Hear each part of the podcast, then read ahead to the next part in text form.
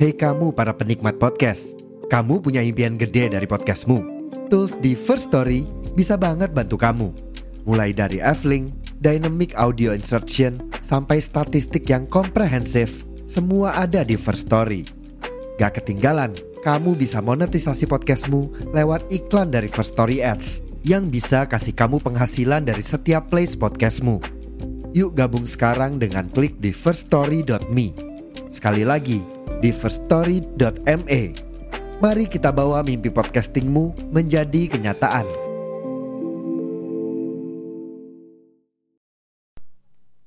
Gue tadi mau bikin episode khusus yang ngebahas komentar warganet netizen salty sama postnya Kiki Saputri juga Ridwan Kamil tapi gue mau nyorot si Kiki Saputri sih tapi barusan banget ini gue lihat gue merekaman kan tanggal 7 Januari.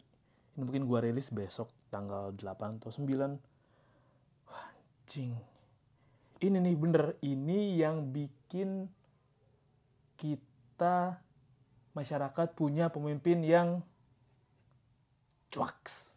Kayak sekarang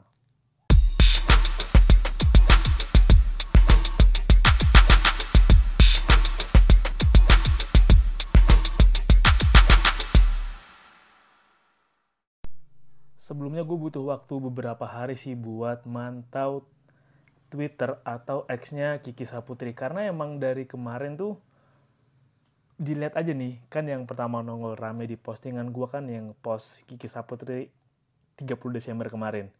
Suasana di X masih panas melipir dulu ah ke tempat yang dingin.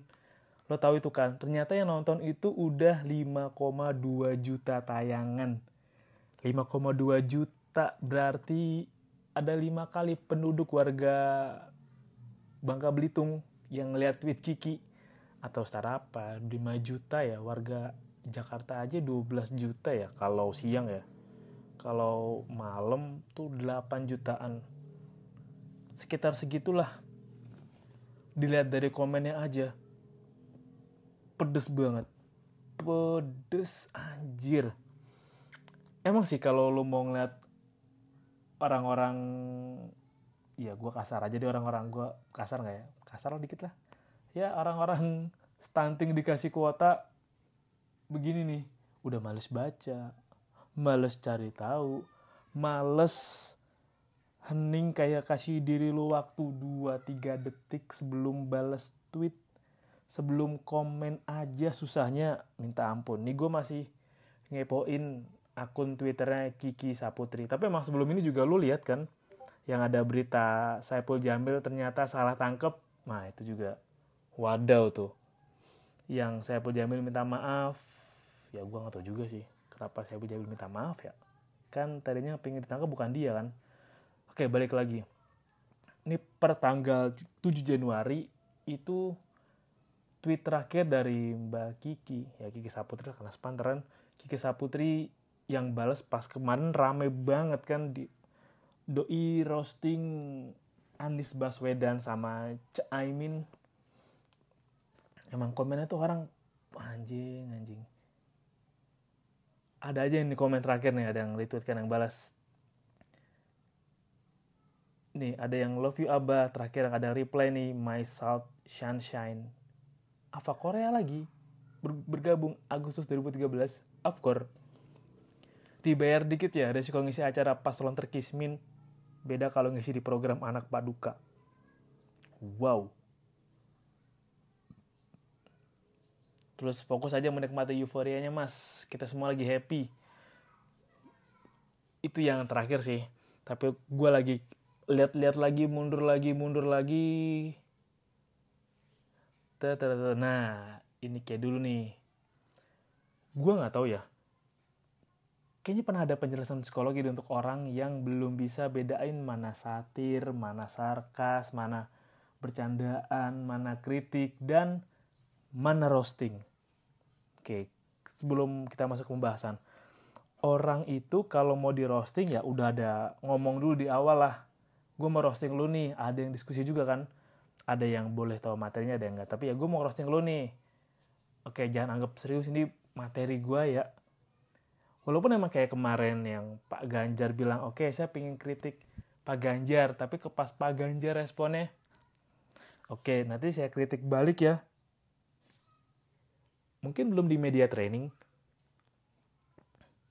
Terus ada orang yang emang nggak bisa bedain mana bercanda mana ya roasting ya roasting itu masuk bercanda mana yang ngatain.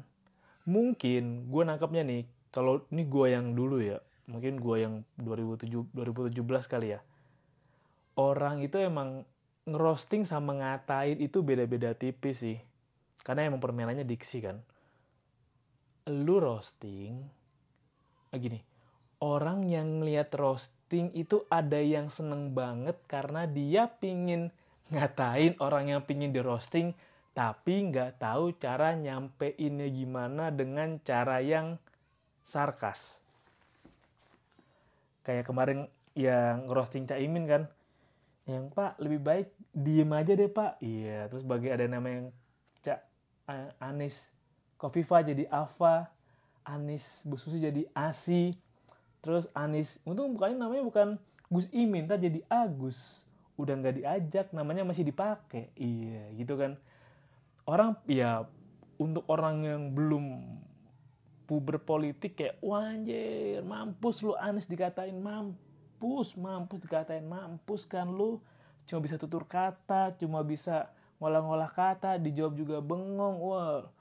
Terus juga caimin ya bisa mensarung selepetan bercanda mampus lu di roasting. Pasti di luar sana ada orang yang meresponnya kayak gitu. Kenapa gue bisa tahu? Karena dulu lu kalau lihat Facebook 2017 pas pilkada DKI lah. Wah itu kenceng banget sih. Gesekannya kenceng banget, kenceng. Malah ada yang kayak gitu. Tapi ya kalau sekarang udah mulai membaik lah. Orang tuh juga lupa kita itu lagi di fase pesta demokrasi. Orang pesta ya seneng-seneng. Kalau orang lagi pesta tapi ngatain, nah itu lu pikir lagi deh tuh. Emang sih ketika ada orang pesta tuh lu bayar orang untuk memeriahkan pestanya. Tapi memang di satu sisi ada orang yang membayar orang lain untuk membuat kacau suasana pestanya. Ya bayar orang-orang yang saya bilang keamanan tapi nggak ngamanin. Ya ketika di pesta kan ada orang yang kelihatan paling sibuk banget padahal tidak kontribusi apa-apa, kelihatan paling si paling, tidak menentukan rencananya, tidak terlibat dalam proses pembentukan idenya ada. Ini ibaratnya kayak pesta lagi kondangan sama dengan pesta demokrasi. Tapi memang kalau ketika pesta kondangan atau acara masyarakat, pestanya kan adalah merayakan apa yang terjadi di masyarakat kan. Kalau pesta demokrasi adalah merayakan bahwa akan ada seorang yang terpilih untuk menjadi pemimpin yang akan memimpin kita dalam beberapa waktu mendatang. Bedanya, ya pestanya mungkin orang mengatakan pesta itu ada yang meriah, ada yang yuk kita buat kekacauan, pokoknya kita pilih, pilih.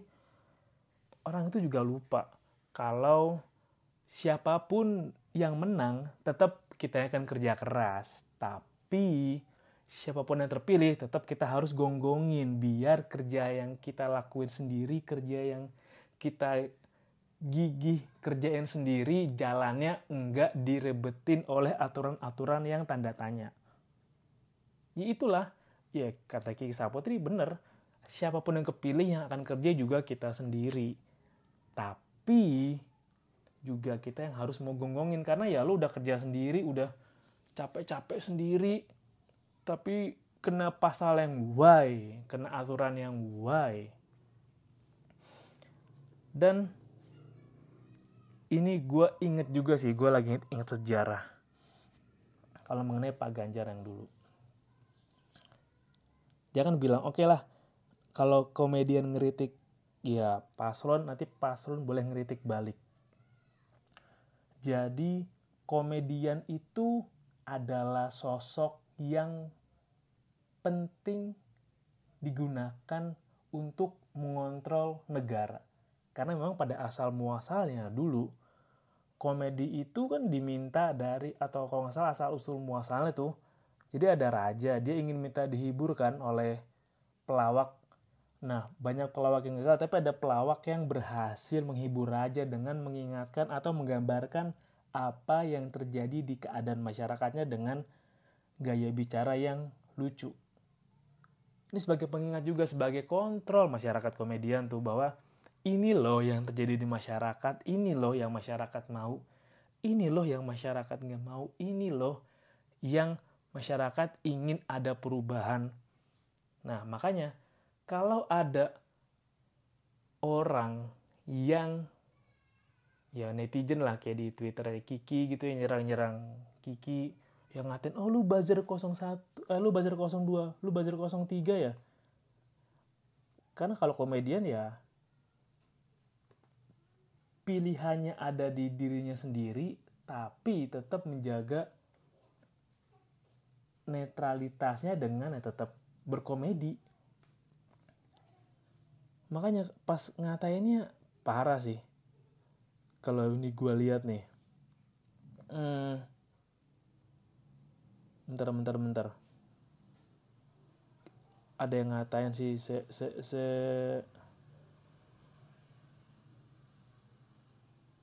Hmm, oh ada yang ngatur nih kayak dan di ngatur kah cuma saran ayolah bedain masyarakat pada pinter kok gua usah pilih 01 pilih aja yang sesuai seleramu udah beres. Lama-lama tuh capek tau.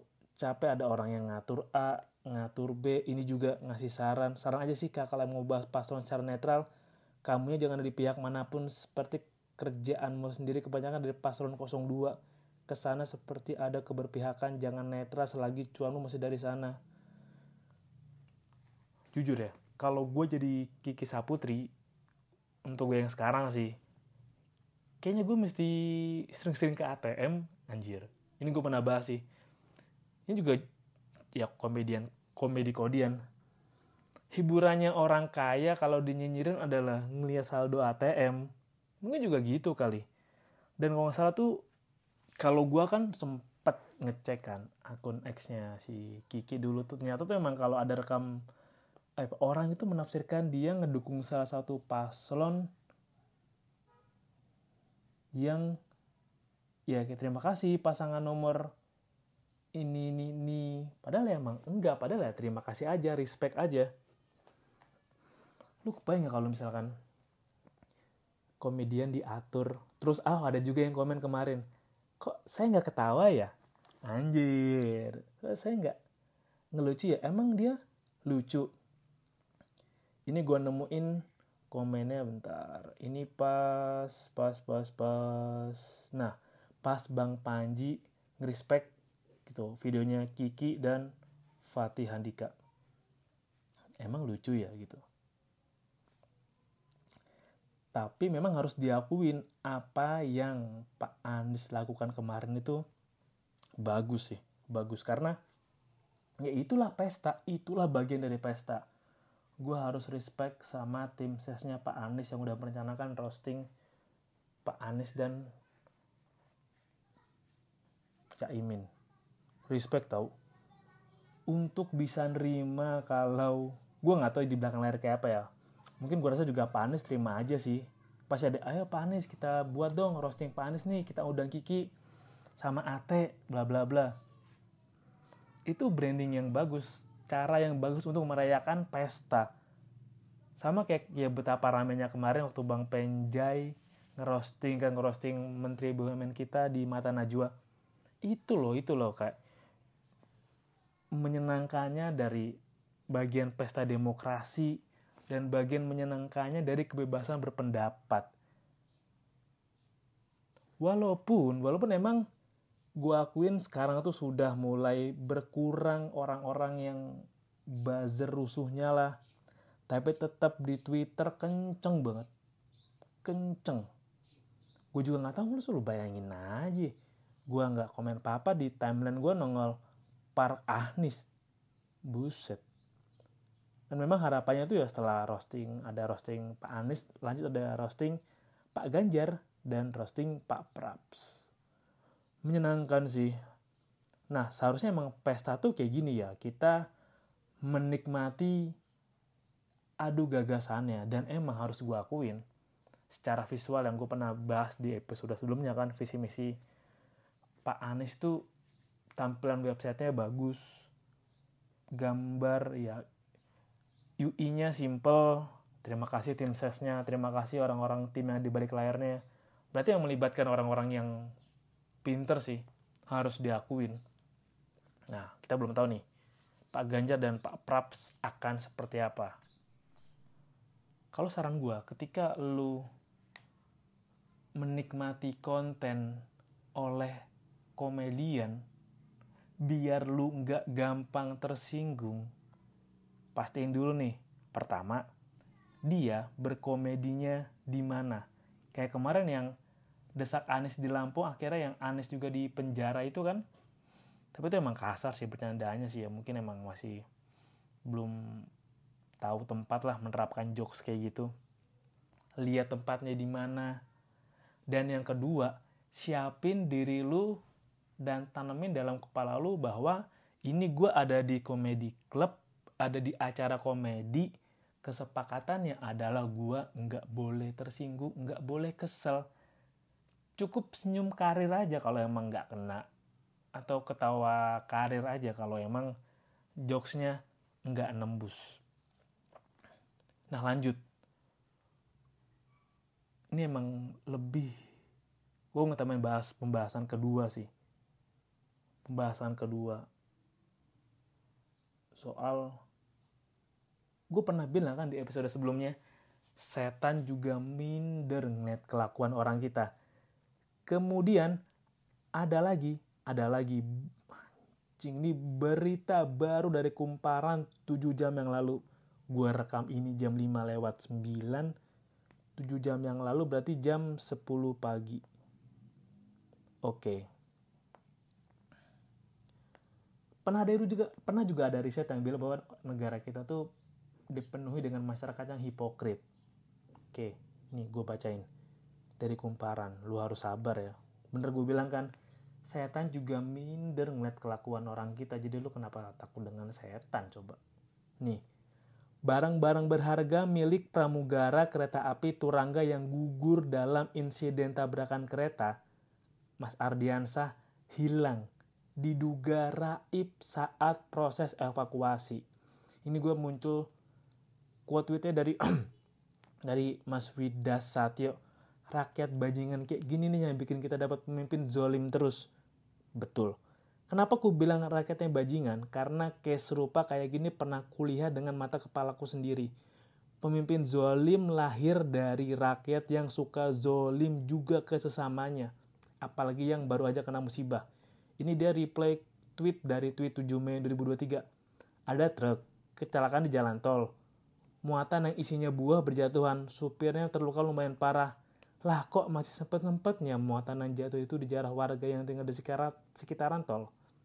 Jadi kalau kita dapat pemimpin yang ampas dan korup, yaitu cerminan rakyat bangsamu. Betul. Yes.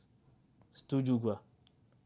Mengedukasi itu susah banget merusaknya gampang. Lu inget nggak dulu waktu ada insiden susu bir brand tumpah? Memang ada yang bilang, oh itu udah expired kak, udah ini kak.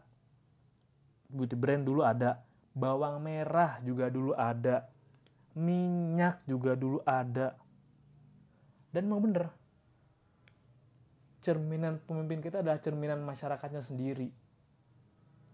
Yang harus diperbaiki adalah masyarakatnya agar masyarakat yang terpilih untuk mewakili kita punya standar dan kualifikasi moral yang lebih bagus tapi dibaca ini anjing negara yang katanya paling agamis warga yang percaya dan neraka. Paling agamis apaan? Kalau hukum agamanya diterapkan dan pelaku beneran dipotong tangannya mungkin berdebah lainnya akan mikir dua kali. Apakah ada jaminan bakal gitu?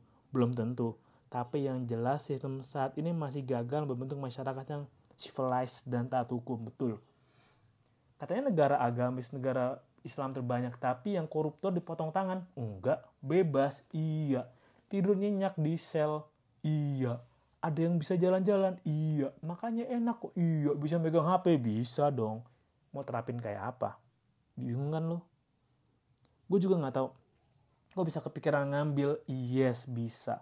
Karena gue pernah lihat nih di YouTube lonceng misteri apa yang ada kejadian masyarakat ada yang meninggal dunia karena ketabrak kereta api kan ada yang dia ketabrak jenazahnya rusak terus ya barangnya mental dia dia ambuk itu ngambil lah ngambil HP kalau nggak salah sih ngambil atau nemuin ya. Nem, nemuin HP-nya deh nemuin HP-nya korban itu karena nemuin HP-nya dibawa pulang. Terus dihantuilah sama almarhum minta HP-nya dikembalikan. Gue nggak tahu nih. Bakal dikembalin apa nggak gue nggak tahu. Tapi emang kasihan bro. Anjing sempat sempatnya kenapa nggak dikasih ke petugas atau ke kepolisian. Lagi pula itu kan barang bukti. Siapa tahu ada pesan penting di sana untuk keluarganya juga.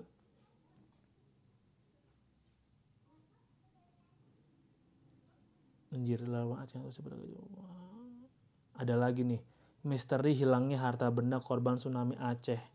Ini berita 25 Desember 2014 ah bakal diketahuin sama para relawan Aceh sih kalau yang kaget.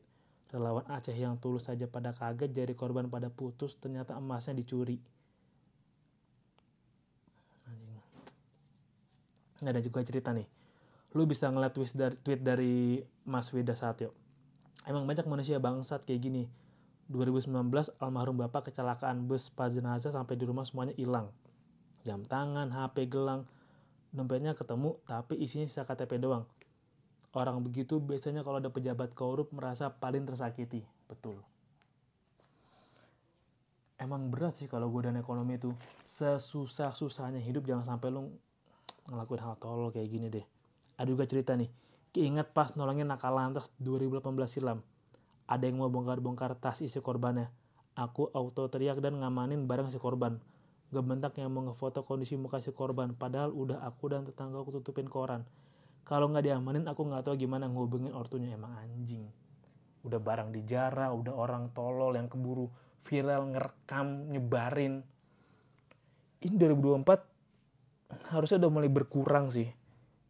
Berkurang dengan cara lu kasih tahu itu kegiatan tolol goblok. Dan kalau ada orang yang ngambil barang di orang yang laka lantas lu tahu lu tangkep lu omelin lu bawa ke pihak kepolisian. Dia ngambil barang yang kecelakaan nih tolong tanganin.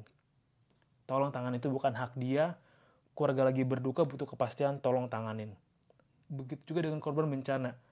Untuk korban bencana musibah gue akuin sudah mulai berkurang karena sudah ada kesadaran dari pihak media atau apa gue lupa ya kayak dilarang mener, dilarang merekam atau mendokumentasikan ya korban musibah atau kecelakaan. Itu udah ada dan itu bagus. Tapi pesan gue adalah untuk lo kalau lo ngelihat korban kecelakaan terus lo lihat ada orang yang mau ngambil barangnya lo tegor lo tegor lo amanin langsung atau ya lo bawa ke pihak kepolisian karena itu bukan barang dia dia nggak boleh ngambil kayak gitu dan ajak seruan ini ajak himbauan ini untuk terus dikasih tahu ke orang bahwa ya lu nggak boleh. Jangan diambil bukan hak lu dan gue rasa kalau semakin banyak orang yang menyuarakan ini lama-lama akan berkurang juga dan orang lama akan tahu malu tahu diri juga. Nggak akan ngambil barang orang lain kalau ada orang lain lagi tertimpa musibah. Itu aja sih buat episode kali ini. Gue baca unek-unek yang ada di media sosial unek-unek yang gue rasain juga dari kemarin. Betapa nggak nyaman gue ngeliat netizen yang kalau komen kadang bangsat. Belum juga netizen yang komen di IG-nya Kang Ridwan Emil yang dia lagi ngelayanin di restoran terus bilangnya tuh pak ya nggak jadi wakil presiden jadi pelayan kafe. Ya pak modalnya mah kurang kuat kalau menjadi cawapres harus jadi anak presiden dulu. Goblok jangan kayak gitu ya goblok Terima kasih sudah dengan episode kali ini. Nanti gue bahas lagi deh kelakuan ya lifestyle lifestyle atau kebiasaan orang kebiasaan orang-orang yang agak cuak juga dan gue dan mari kita coba olah itu dari cara lihat dari cara pandang lain dan kita lihat bisa nggak sih dan bisa nggak sih kita ajak orang lain untuk mau sama-sama memantau dan perbaiki apa yang seharusnya benar di sosial atau masyarakat. Terima kasih.